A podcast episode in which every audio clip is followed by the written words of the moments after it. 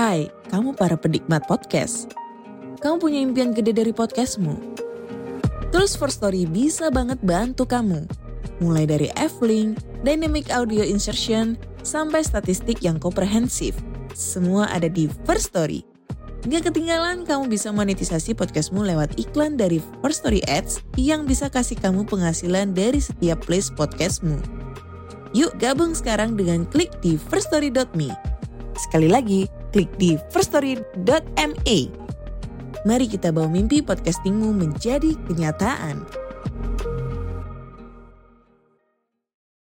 Assalamualaikum warahmatullahi wabarakatuh. Waalaikumsalam warahmatullahi wabarakatuh. Selamat malam Sobat MM. Senang sekali saya Mang Ei dan tim dapat menjumpai Anda pada malam hari ini. Seperti biasa, kami menghadirkan kisah nyata dari narasumber. Kali ini ada narasumber yang mungkin sudah Anda kenal, yang dulunya pernah bercerita tentang santet sekeluarga. Dia adalah Mas Hendrik ya.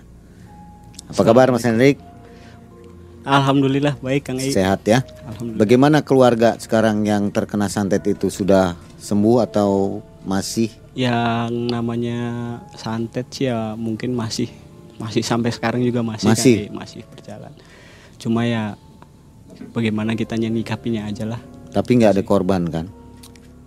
Alhamdulillah nggak ada nggak ada korban. Sudah mencoba ke orang yang bisa?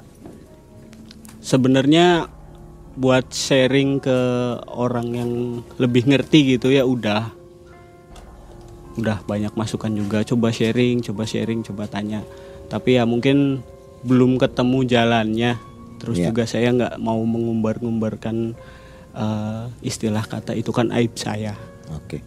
Nah, sobat yang belum menyaksikan videonya, silahkan tonton nih videonya ada di atas tentang keluarga Mas Hendrik yang terkena santet ya. ya Baik, kali ini Mas Hendrik akan mengkisahkan kisah nyatanya yang terjadi di tahun 2000-an ketika Mas Hendrik menjadi relawan untuk menyelamatkan orang yang tersesat di Gunung Ciremai.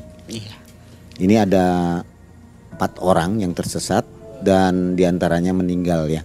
iya Ada keanehan di sini.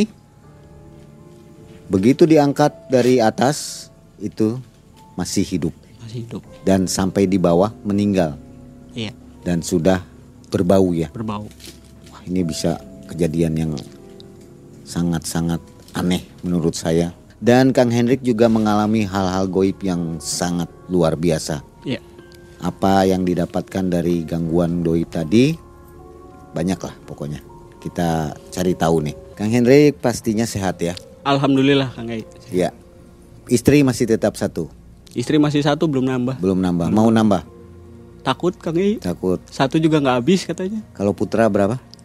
putri satu Putri satu. Hmm. Kang Hendrik ini ceritanya gimana ya? Kayak saya juga bingung ya. Banyak-banyak kejadian goibnya waktu di Gunung Ciremai ini. Kang Hendrik tolong ceritakan nih.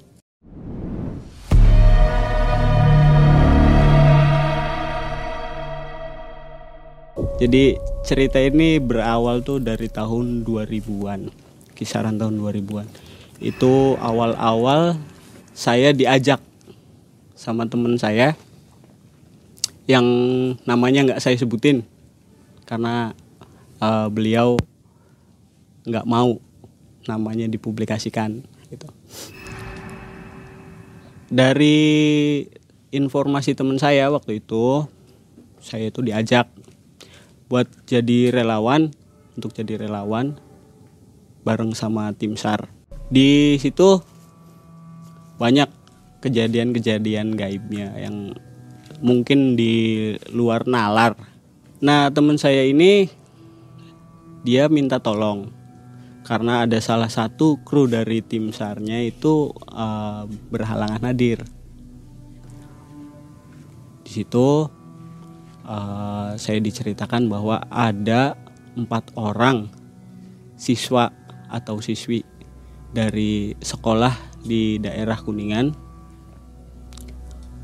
naik gunung tanpa pendamping. Dari naik gunung tanpa pendamping itu mereka nekat bermodal nekat dengan peralatan seadanya dan pengetahuan seadanya Kang Ei. Mereka berangkat ke sana. gitu kan. Nah sesampainya di sana, salah satu teman mereka itu nggak ketemu, tersesat di sana. Jadi yang tiga turun, yang satu di belakang itu terpisah. Menurut kesaksian mereka, mereka coba cari lagi ke sana, tapi uh, setelah beberapa jam, mungkin hampir seharian di sana, mereka nggak menemukan gitu temennya, nggak ketemu. Jadi balik lagi ke bawah, turun lagi dan minta tolong sama tim regu yang sedang berjaga di sana untuk ikut membantu mencari teman mereka. Total kru yang ada di sana itu dengan dua orang relawan dan tiga teman korban itu totalnya semua ada 18 berarti. Ada 18 orang termasuk saya. Saya dikasih tahu, diberitahu sama teman saya itu subuh jam 4 pagi lewat telepon. Saya angkat kenapa? Saya kira ada masalah apa atau seperti apa gitu kan. Saya angkat ternyata dimintai tolong untuk jadi tim relawan. Oke, saya iakan. Jam 6 pagi saya udah sampai di uh, lokasi di bawah kaki gunung sebelum mulai pendakian ya seperti biasa kita uh, berdoa dulu di sana, sarapan dulu menyiapkan segala sesuatu perlengkapannya dari mulai yang kecil sampai uh, segala macam gitu kan. Dari awal-awal saya naik ke pos 1 sampai datang di pos 1 itu menurut kesaksian mereka kita itu naik 18 orang. 18 orang dan hampir semuanya itu saya hafal.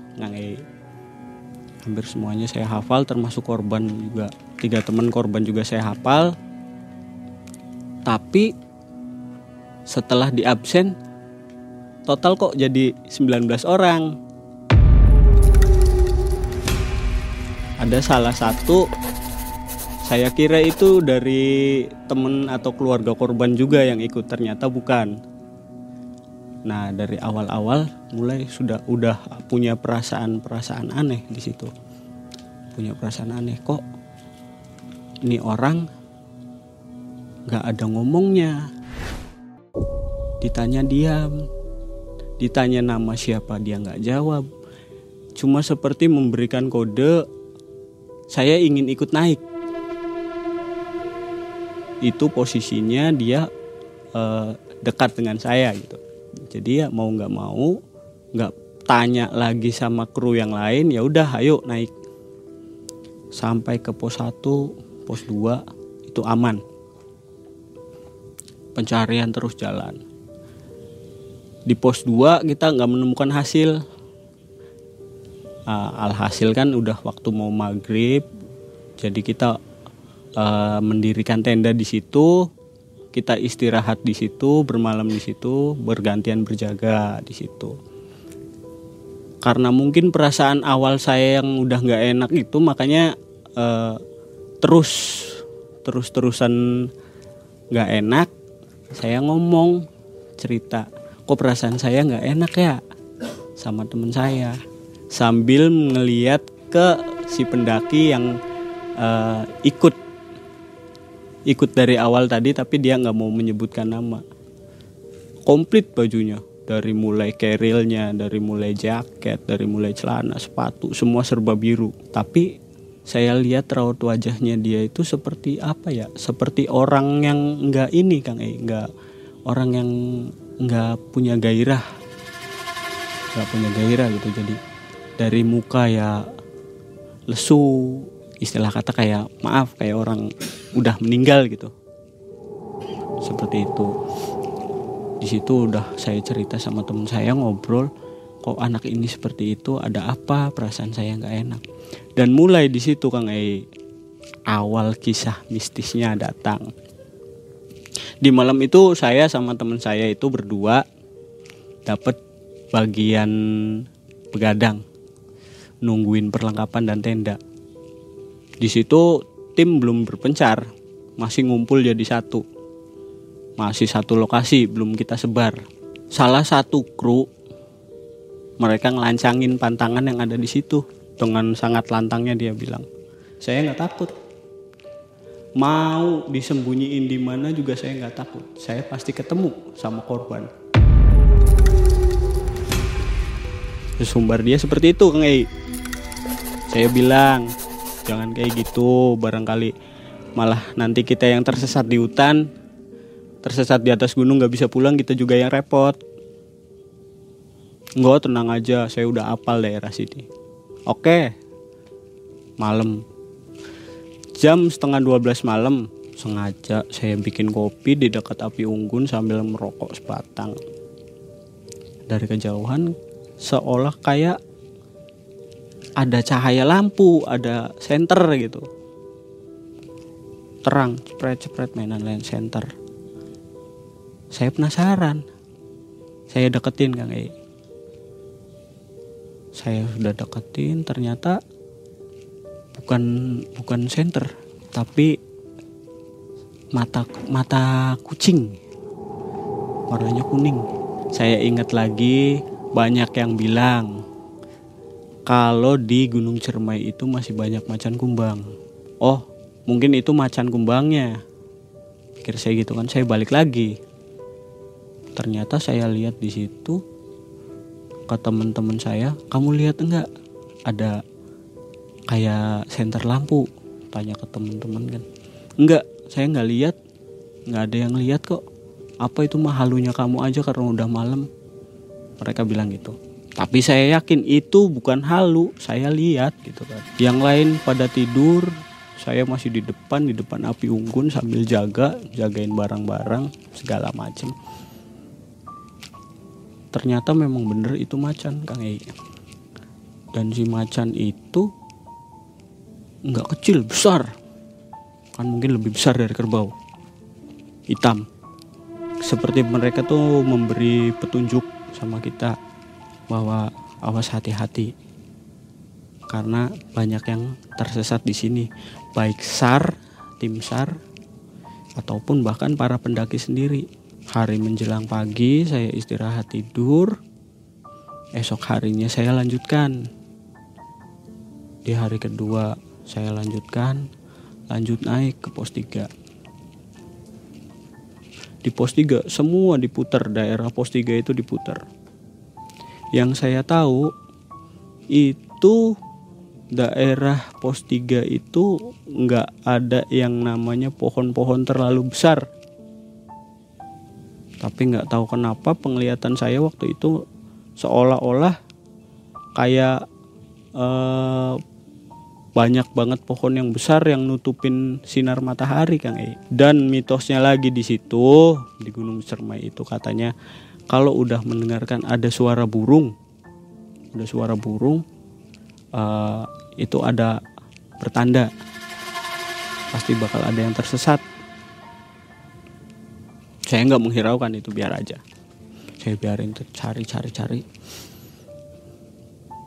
Sampai akhirnya mau malam hampir itu jam setengah enam itu udah gelap sekali. Tim yang lain juga udah capek kelelahan istirahatlah kita bikin tenda di situ selesai bikin tenda apa kita makan di situ makan rame-rame apa ngobrol segala macam Nah, begitu malam harinya, teman saya gantian jaga. Saya istirahat. Tengah malam saya bangun karena kebelet waktu itu. Saya bangun. Saya lihat teman-teman saya yang lain, oh udah masih pada aman. Ya udah kalau kayak gitu.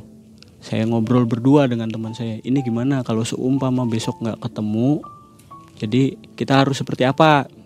langkah apa lagi nih yang harus dilakuin nah di situ teman saya bilang ya udah bang kalau seumpamanya memang besok nggak ketemu kita bagi tim aja besok sore kita bagi tim tim berpencar uh, nanti kita cari gimana enaknya. Kita rundingan lagi nanti sama teman-teman. Setelah kita ngobrol berdua ternyata si pendaki yang pemula ya kayaknya bukan pemula. Si pendaki yang dari awal awal ikut dengan kita itu yang tadi minta itu seperti ngasih tahu eh, kode-kode yang aneh gitu Kang Ei. Dari mulai dia naik-naik pohon sendiri. Nah, pohon-pohon besar dinaikin aja dinaikin. Naik dia, turun lagi, lari lagi. Narik-narik saya. Seperti minta tolong. Seperti ngasih larangan jangan dilanjutkan.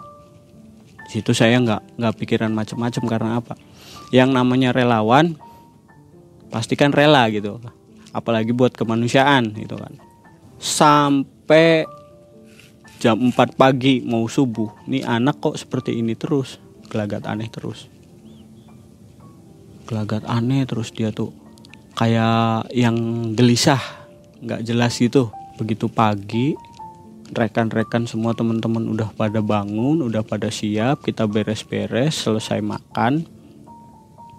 Baru kita rundingkan lagi dirundingkan lagi. Gimana waktu uh, itu kita tanya lagi sama tiga temen korban itu posisinya tahu nggak waktu hilang? Dan posisinya mau ngapain waktu itu naik ke atas gunung tuh? Di situ saya kan tanya sama uh, tiga teman korban. Itu tampak sepengetahuan ketua sar pribadi saya tanya sendiri. Dan akhirnya mereka jawab waktu itu saya mau naik ke sini itu iseng karena uh, saya dan korban itu diledekin sama teman saya. Katanya kamu cemen. Saya udah pernah naik gunung kamu belum. Kenapa nggak berani? katanya. Berani dong ayo modal modal nekat. Saya aja modal nekat berani cerita si teman korban tersebut. Alhasil mereka itu berempat berani nekat ke sana. Dan kenapa sampai akhirnya pulangnya cuma bertiga? Yang satu ke mana? Kata saya kan. Ya itulah, Mas. Saya nggak uh, nggak tahu karena posisinya dia paling belakang. Saya di depan bawa peralatan, yang lain ada di tengah nggak mengawasi tapi sempat ngobrol seingatnya di mana posisi waktu hilang. Itu ada di pos tiga, apa pos 4 atau pos 5 itu. Seingat mereka katanya. Karena sampai baru sadar itu udah ada di bawah udah siap beres-beresin tas mau manggil uh, angkot atau kendaraan baru sadar bahwa si korban itu nggak ada.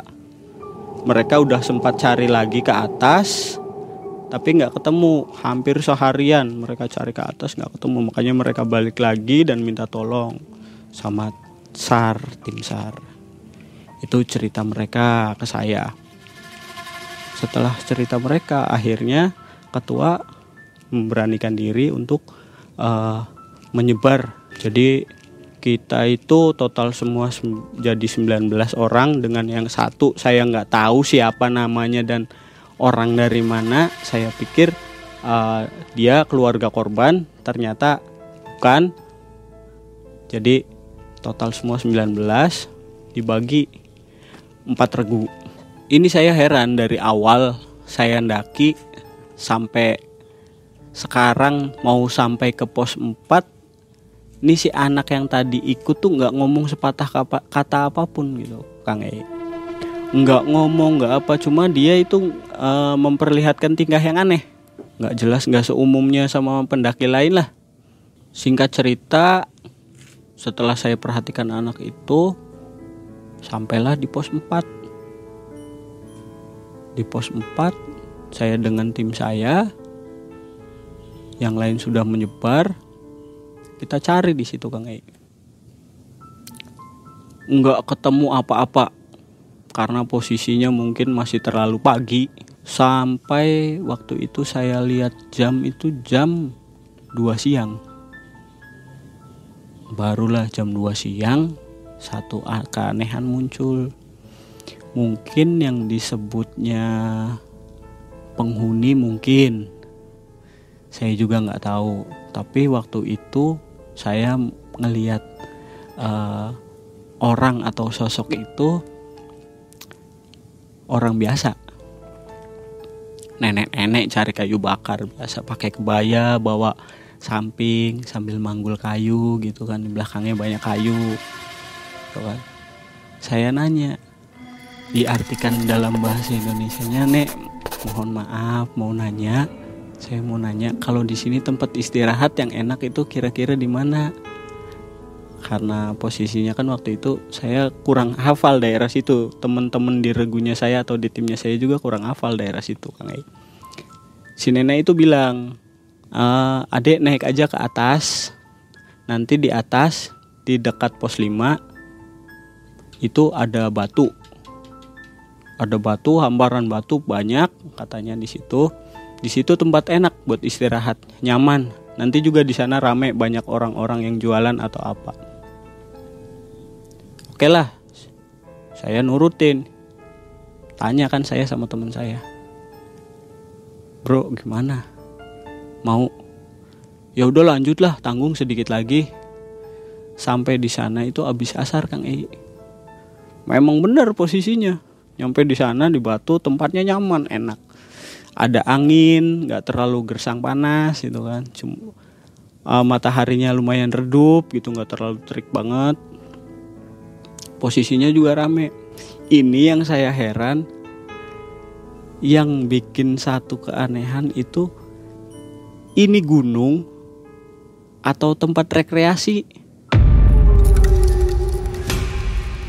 Kok banyak orang jualan kayak pasar kayak gini gitu?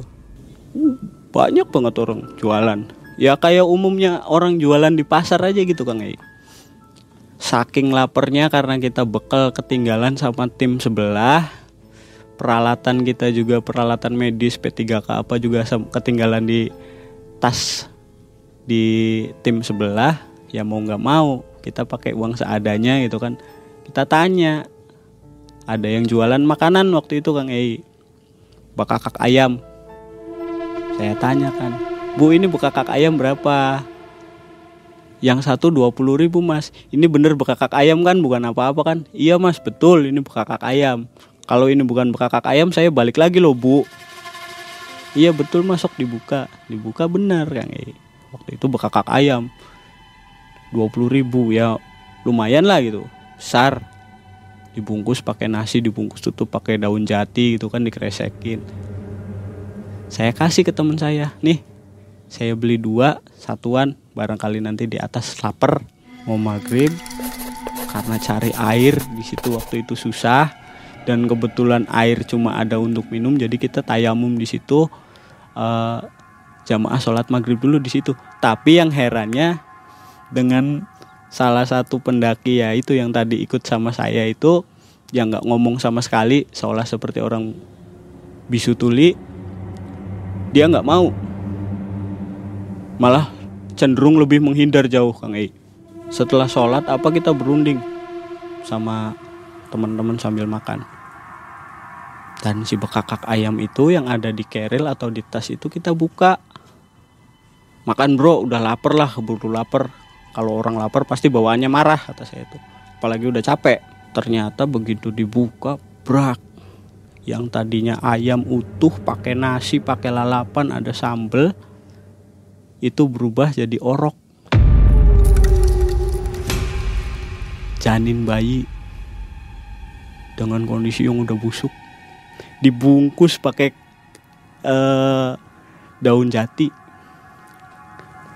Wah, saya kena prank. Saya kena prank ini udah nggak ada lagi. Mau balik lagi turun ke bawah. Saya gimana gitu kan? Pasti jauh lagi jadi kan kita nggak jadi makan tuh dengan kayak gitu. Simpan udahlah saya jauhin aja tasnya. Taruh situ. Dua ekor macan kumbang itu datang. Nggak ngurak-ngurak tas nggak apa cuma dia duduk ngelingker di tas itu. Mondar mandir mondar mandir di depan saya. Nggak lama si nenek yang tadi ketemu di pos 4 itu datang itu kalau nggak salah kurang lebih itu jam sembilan setengah sepuluhan. Mungkin saya yang berhalusinasi atau enggak ya saya kurang paham. Tapi yang jelas waktu itu si nenek itu datang. Oh kok nenek ini datang lagi? Gitu kan.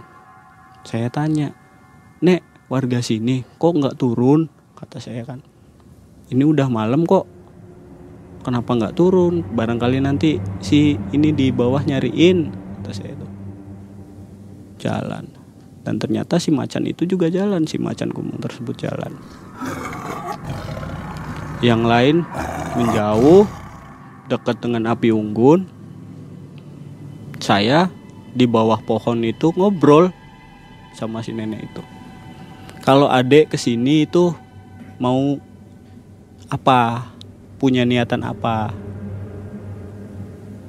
Saya di sini mau nyari korban kata saya.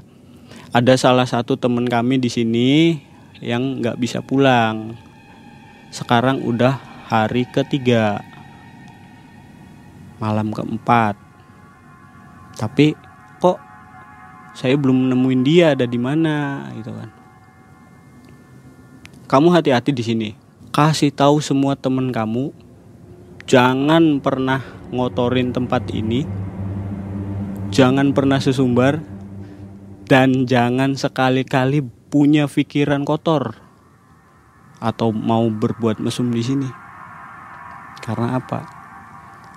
Tempat ini ada dari zaman kamu itu dulu belum ada. Nenek itu bilang seperti itu. Nek mohon maaf, kalau boleh tahu nenek ini siapa?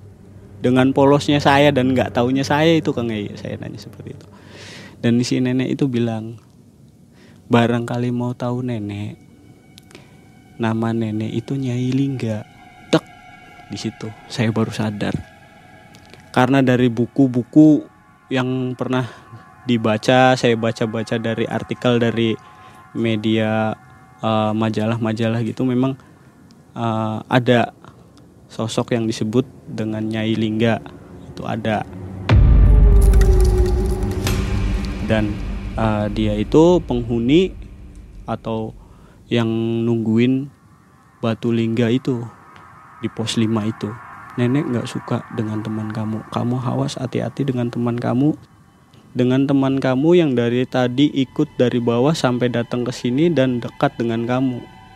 Lebih cenderung dekat dengan kamu. Kamu hati-hati karena apa? E, kewaspadaan diri kamu itu di sini sedang diuji. Kalau toh memang kamu memang benar ingin punya niatan menolong sesama manusia, banyak zikir di sini, banyak wirid di sini. Ini halu apa bukan gitu kan? Waktu itu saya punya pikiran seperti itu.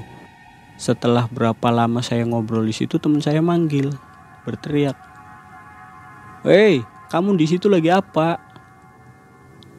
Jangan duduk atau apa jangan berdiri di situ. Pindah ke sini barangkali hilang nantinya. Mereka bilang kayak gitu. Bang E saya balik lagi kan. Ya udah nek saya balik lagi. Barangkali memang uh, nenek yang punya wilayah sini saya mohon maaf dengan teman-teman saya. Uh, insya Allah setelah tugas saya ini saya panjatkan doa atau saya hadorohi khusus buat nenek.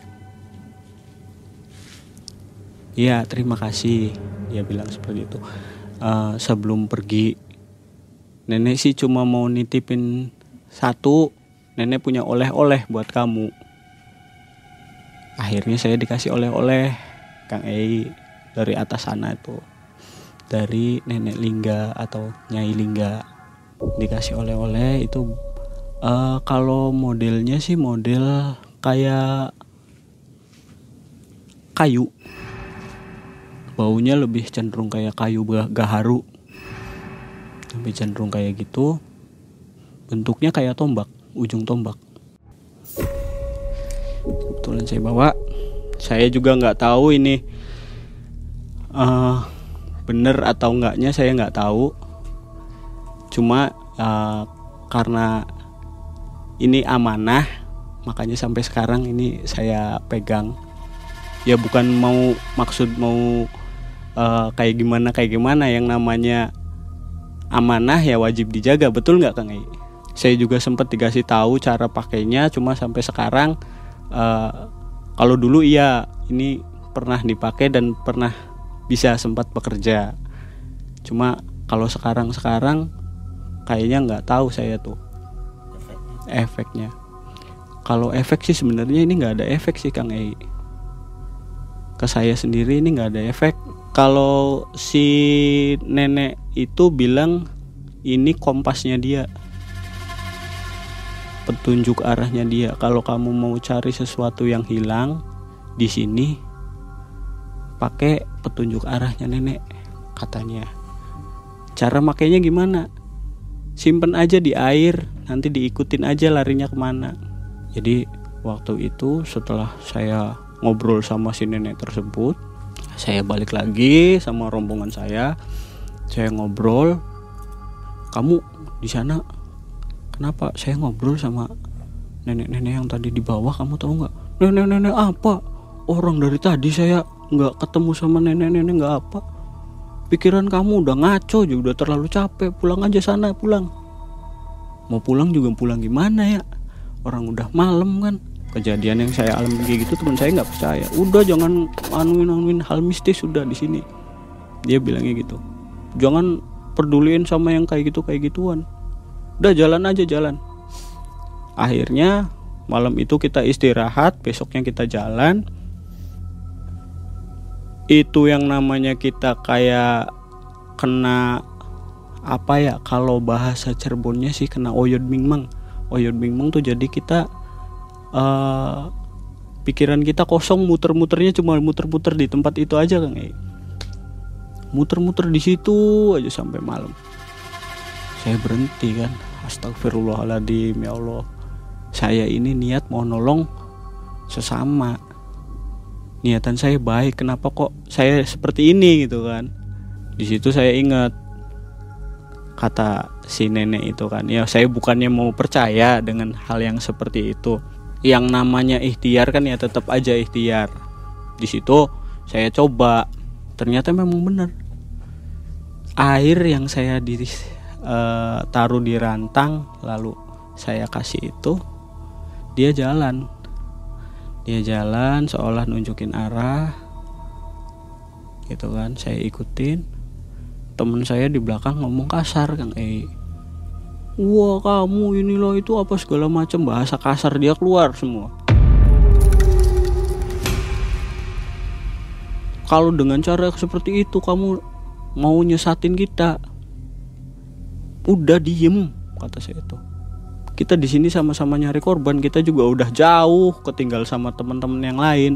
Sampai mau datang ke pos 6 saya sama temen itu udah hampir ini sih kalau apa namanya kalau bahasanya itu sih udah mau celaka. Nggak kelihatan nggak apa yang tadinya terang yang tadinya apa namanya nggak ada semak belukar nggak ada pohon-pohon besar tahu-tahu ada pohon besar kita jalan aja terus jalan. Giliran kita jalan seolah kayak ada yang ngingetin awas hati-hati. Saya berhenti teman saya jalan. Itu kalau saya nggak kelihatan teman saya nyemplung ke jurang udah ngelundung mati aja tuh anak. Aduh kamu nih ada-ada saja. Sabar aja jangan buru-buru. Nanti juga ketemu. Lihat itu jurang kalau maju terus mati kamu. Berdoa saja supaya bisa menemukan korban dengan cepat. Tarik sama saya. Istighfar udah istighfar. Diem. Percuma kita ribut di sini kita nggak bakal nemuin. Udah ikutin aja apa kata petunjuk orang yang ada di sini. Karena apa? Saya sempat bertemu. Secara nggak langsung saya kan kayak gitu. Tak kasih tahu. Mungkin kalian nggak lihat mungkin kalian melihatnya saya seperti orang gila ngomong sendiri apa sendiri. Tapi saya itu berinteraksi dengan beliau.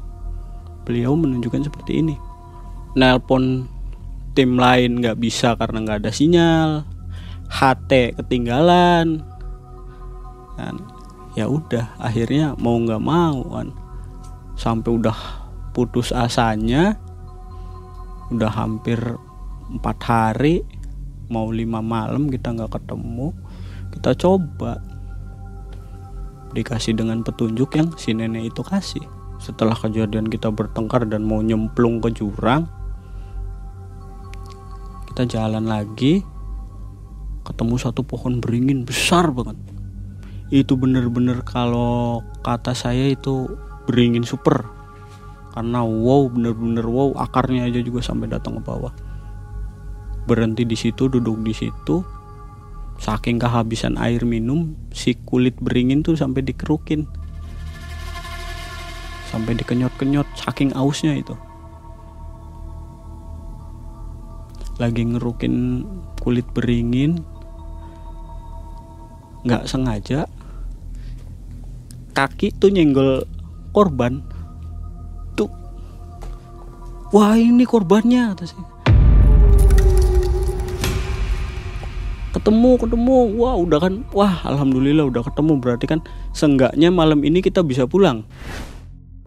Senggaknya malam ini kita bisa uh, istirahat lebih tenang gitu kan. Akhirnya setelah ketemu itu posisi udah tas jatuh ke bawah dia kaki udah kakinya udah ke atas ke sangkut sama akar-akar pohon beringin. Tapi dicek urat nadi nafas tuh masih ada. Muka juga masih seger masih masih masih layaknya orang hidup aja kang wah korban selamat nih pikir saya kan. Sampai datang di akhirnya itu kita evakuasi korban itu ini mulai gangguan datang lagi. Itu pendaki yang uh, katanya nggak bisa ngomong tadi saya sebutin nggak bisa ngomong tadi yang seperti bisu tuli itu dia interaksi sama teman saya. Di situ dia baru ngomong kalau saya tuh seperti ini seperti ini seperti ini. Nggak lama lah setelah itu kita singkat ceritanya langsung kita evakuasi kita juga semua langsung turun ke bawah. Pikir ah udah nggak apa-apa malam juga paling nyampe ke sana nggak terlalu malam pikir saya E nyampe datang ke pos 3 teman saya yang tadi ngobrol sama si pendaki yang tadi itu nggak ada. Jadi kita yang nolongin korban tapi kita yang jadi korban. Saya punya inisiatif langsung kan. Wah ambil senter saya naik langsung ke atas cari di sana. Di sana saya ketemu dengan teman saya itu dia udah duduk di bawah batu posisi badan menggigil mata udah nggak ada ya diibaratkan sih dia udah aneh lah gitu kang E dia udah nggak bisa kayak udah nggak fokus aja di situ saya tanya, "Hei, kamu kenapa kok diem di sini nggak cepetan ikut pulang? Katanya kamu ribut aja mau pulang, capek." Katanya. Tapi kenapa kamu masih di sini? Ayo cepet. Saya nggak mau pulang. Saya nggak bisa pulang. Saya ditahan sama orang. Gimana cara saya bisa pulang? Dia bilang gitu sama saya. Saya harus kayak gimana? Udah nggak, saya nggak banyak pikiran, udah kayak gimana kayak gimana korban udah ketemu saya nyelamatin teman saya juga akhirnya saya papa udah tasnya tinggal di sini bodoh amat mau ada yang ngambil atau apa bodoh amat udah kamu pulang sama saya saya pulang bawa pulang nyampe di pos 3 saya cek korban. Si korban masih keadaan bernafas dia masih ada denyut nadi cuma posisi nggak sadar. Di situ saya cari regu lain alhamdulillahnya ketemu dengan regu lain. Saya kasih minum saya kasih makan dulu. Di situ teman saya saya tanya kamu di atas sama siapa sama anak yang tadi pakai jaket biru. Dia bilang dia cerita apa? Jadi dia itu uh, dulu punya keinginan pengen daki ke sini. Tapi dia ngedaki tuh pengen sampai di pos 8 dia ke situ mau minta pesugihan si pendaki itu. Pendaki misterius itu dan setelah saya tanya alhamdulillah teman saya udah mulai sadar saya bawa ke bawah jalan lagi ke bawah. Saya udah kumpul apa sama teman-teman sama temannya si tiga teman si korban itu ketemu langsung kita evakuasi korban ke rumahnya setelah kita evakuasi nyampe ke rumahnya disambut dengan ibu dan keluarga korban tersebut si korban direbahin di ranjang depan. Ternyata si korban itu udah meninggal. Dan ketahuan udah meninggalnya itu bukan sama kita Kang E bukan sama kita regu relawan bukan. Bukan sama regu sar bukan. Tapi salah satu warga di situ yang mungkin disebutnya sesepuh. Ai iya mah geus maot. Iya di mana? Ketemu nak. Ini mau udah meninggal di, ketemu di mana? Celek. Loh kok udah meninggal? Orang tadi dibawa digendong tuh masih ada nafas. Bahkan saya juga sempet gendong kata saya. Bisa meninggal gimana? Coba dicek dilihat giliran dicek dilihat bener kang E itu kayak mayat udah meninggal tiga hari. Kuning semua udah kuning semua udah kaku badan udah kaku. Udah bau bangkai dari mulut dari hidung apa tuh udah bau bangkai bener-bener bau bangkai. Saya penasaran kan? Saya selusurin lagi saya tanya lagi dengan tiga korban tersebut. Iya aja. Memang tadinya uh, kita tuh punya niatan ke sana tuh bukan karena kita takut diledekin sama temen kita nggak berani diledekin sama temen. Tapi karena apa? Saya juga sama teman-teman lain tuh punya niatan nggak jelek di situ tuh. Maksudnya niatan jelek apa? Kamu ke sana mau apa? Saya tuh di sini tuh pengen nyari barang yang nggak bisa kita dapetin di alam nyata. Ternyata mereka ke sana itu buat penelusuran dan penelusuran mereka itu dengan modal nekat. Salahnya kita sebagai relawan itu nggak ngecek waktu ketemu kita nggak ngecek dengan peralatan medis karena apa peralatan medis kita itu ke bawah sama tim sebelah. Kang sudah ngobrol di situ, sudah dicek apa segala macam. Akhirnya pihak keluarga mau mengikhlaskan. Yang penting judulnya udah ketemu, ada wujudnya nyata. Akhirnya eh, keesokan paginya dimakamkan. Setelah dimakamkan, orang tua korban itu nelpon nelponnya bukan ke ketua regu tapi ke saya. Karena posisi waktu itu orang tua minta nomor telepon saya. Saya waktu itu diminta buat balik lagi ke sana Kang Ei. A balik lagi ke sini ya acara tiga harian katanya.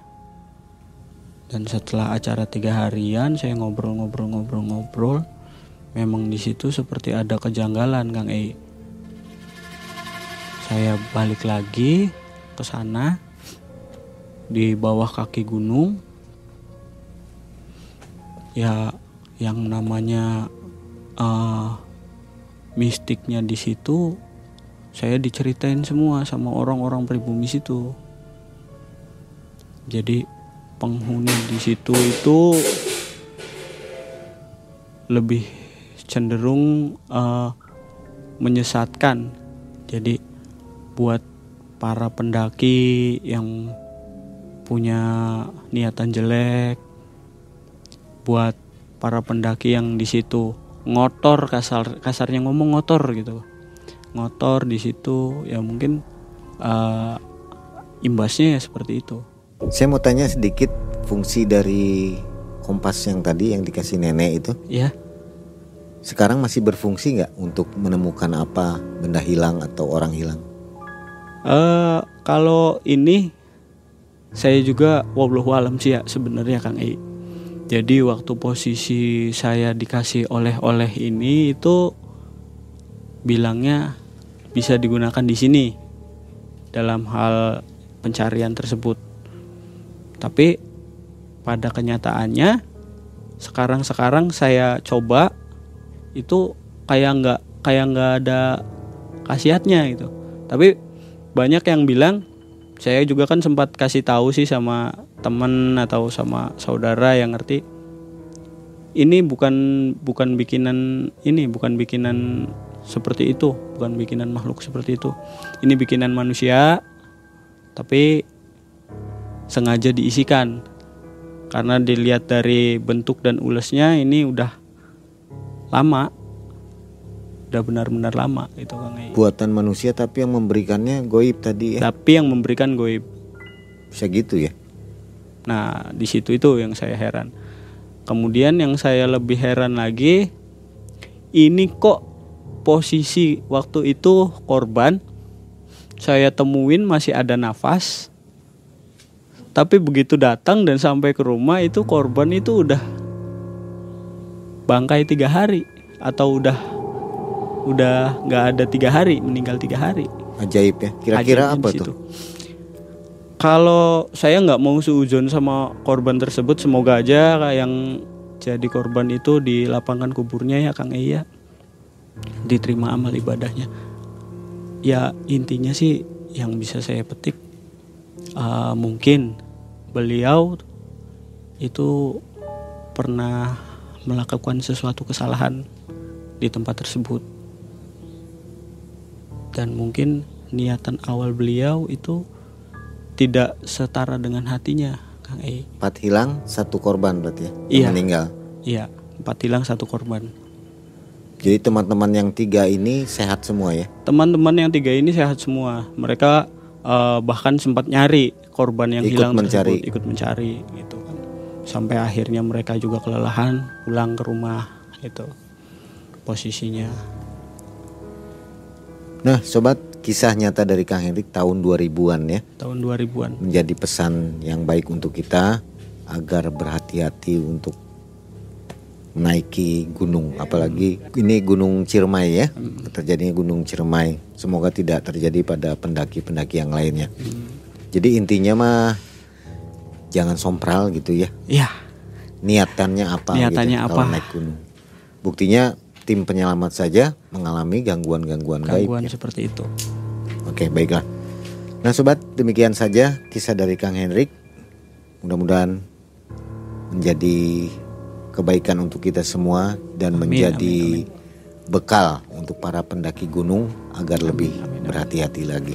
Terima kasih Kang Henrik. Ya, sama-sama Saya Kang Ei. Mang Ei dan tim undur diri. Assalamualaikum warahmatullahi wabarakatuh. Wassalamualaikum warahmatullahi